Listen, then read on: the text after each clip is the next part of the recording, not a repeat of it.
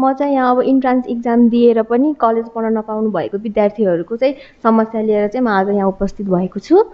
अघि पनि भर्खरै केएन सरले भने जस्तै हामीलाई पनि समस्या के हो? भन्दाखेरि यो चिकित्सा शिक्षा आयोगले जुन पर्सेन्टाइलको हिसाबमा निकाल्नु भएको छ नि अब इन्ट्रान्समा पास भए तापनि पर्सेन्टाइलमा चाहिँ कस्तो हुँदो रहेछ भन्दाखेरि हाम्रो सिक्सटी पर्सेन्ट जस्तै अब कति भन्दाखेरि जस्तो पर्सेन्टाइलमा त टोटल कति हाइएस्ट कति आएको त्यो अनुसारको आधी स्टुडेन्टलाई चाहिँ लैजाने भन्ने छ नि त। अब हामीले पास भए तापनि फिफ्टी पर्सेन्ट ओभर आएको छ भन्दा पनि हामी चाहिँ त्यहाँभित्र पढेनौँ नि त।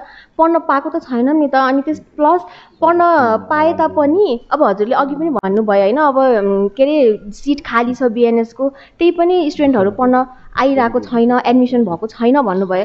यसमा चाहिँ अब सरहरूले पनि भनिसक्नु भएको छ ten months two five months त्यस्तै लगाइरहेको छ नि त हाम्रो। अब त्यसमा पनि स्टुडेन्टहरूलाई कस्तो हुन्छ भन्दाखेरि हामीले पढ्न पाउँछौँ कि नै त्यो पर्सेन्टाइलभित्र हामी पढ्छौँ कि नै भन्ने त्यो त छ नि त। हामीले पास भए तापनि हामी पढ्न पाउँछौँ कि नै त त्यो पर्सेन्टाइलको त्यो हाफभित्र पढ्छौँ कि नै भन्ने त हामीलाई छ नि त। अनि टेन मन्थ्स हामीले कसरी हामीले त्यहाँ के अरे वेस्ट गर्ने त? त्यही भएर हामीले अरू प्लेटफर्महरूतिर जाने बाहिर जानेतिर त्यसरी त्यसको कारणले गर्दाखेरि पनि बिएनएसको यो सिट खाली भएको जस्तो चाहिँ मलाई लाग्छ। अनि हामीलाई हाम्रो रिक्वेस्ट के हो भन्दाखेरि यो मेरिटको अघि सरले पनि भनिसक्नु भयो केएन सरले भने जस्तै अब यो मेरिटको हिसाबमा चाहिँ हामीले एडमिसन गरिदिएको भए कलेजहरूले हामी सबै स्टुडेन्टहरूले चाहिँ पढ्न पाउँथ्यौँ। प्लस कस्तो भयो भन्दाखेरि अहिले चाहिँ हामीलाई यो पढ्न नपाउँदाखेरि चाहिँ साइकोलोजिकल्ली या इमोसनली पनि हामी ड्रेन भएको छ कि स्टुडेन्टहरू अब पढ्न पाइरहेको छैन नि त अब पास भएको छ त्यही पनि त्यो पर्सेन्टाइलको कारणले गर्दाखेरि हामीले एडमिसन पाएको छैन।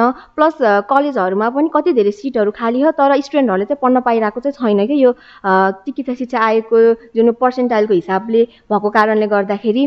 त्यही भएर हाम्रो पनि रिक्वेस्ट के हो भन्दाखेरि यो पर्सेन्टाइलको हिसाब नभएर मेरिटको आधारमा चाहिँ एडमिसन गरिदिनु भएको भए चाहिँ स्टुडेन्टहरूले पढ्न पाउनुहुन्थ्यो।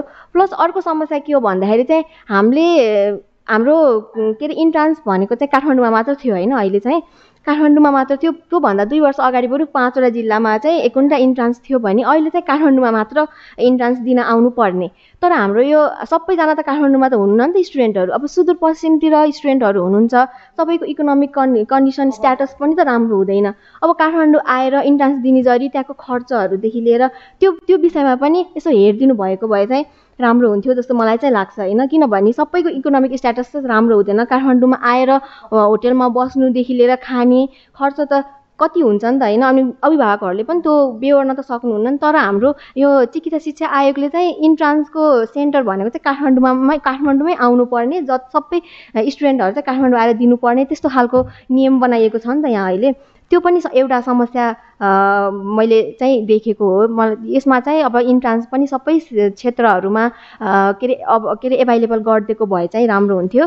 प्लस हाम्रो चाहिँ अब रिजल्टको कुरा। अब त्यो रिजल्टको पनि भनिसकेँ। रिजल्ट पनि टाइममै अब पहिला त एक महिनाभित्र नै रिजल्ट निकालिदिने यस्तो खालको फेसिलिटी थियो भने अहिले चाहिँ टेन मन्थ्स फाइभ मन्थ जति लाग्ने। अनि त्यही भएर त्यसको कारणले पनि अब निस्किने हो कि होइन पनि हामीलाई त फिक्स भएन कि स्टुडेन्टहरूलाई। त्यसको कारणले गर्दाखेरि पनि हामी एकदमै के अरे पढ्न नपाउँदाखेरि साइकोलोजिकल्ली पनि एकदम प्रब्लम्सहरू आउने भयो कि। यसमा चाहिँ अब पढ्न नपाइसकेपछि कति धेरै नर्सेस नर्सिङ स्टुडेन्टहरू पढ्न नपाएर पनि सुसाइडल केसहरू पनि कति छ नि त होइन पढ्न नपाएर। त्यस यसको कारणले गर्दाखेरि अब हाम्रो इक्जामको रिजल्ट पनि एक महिनाभित्र नै निकालिदिए निकालिदिनु भए पार चाहिँ राम्रो हुन्थ्यो।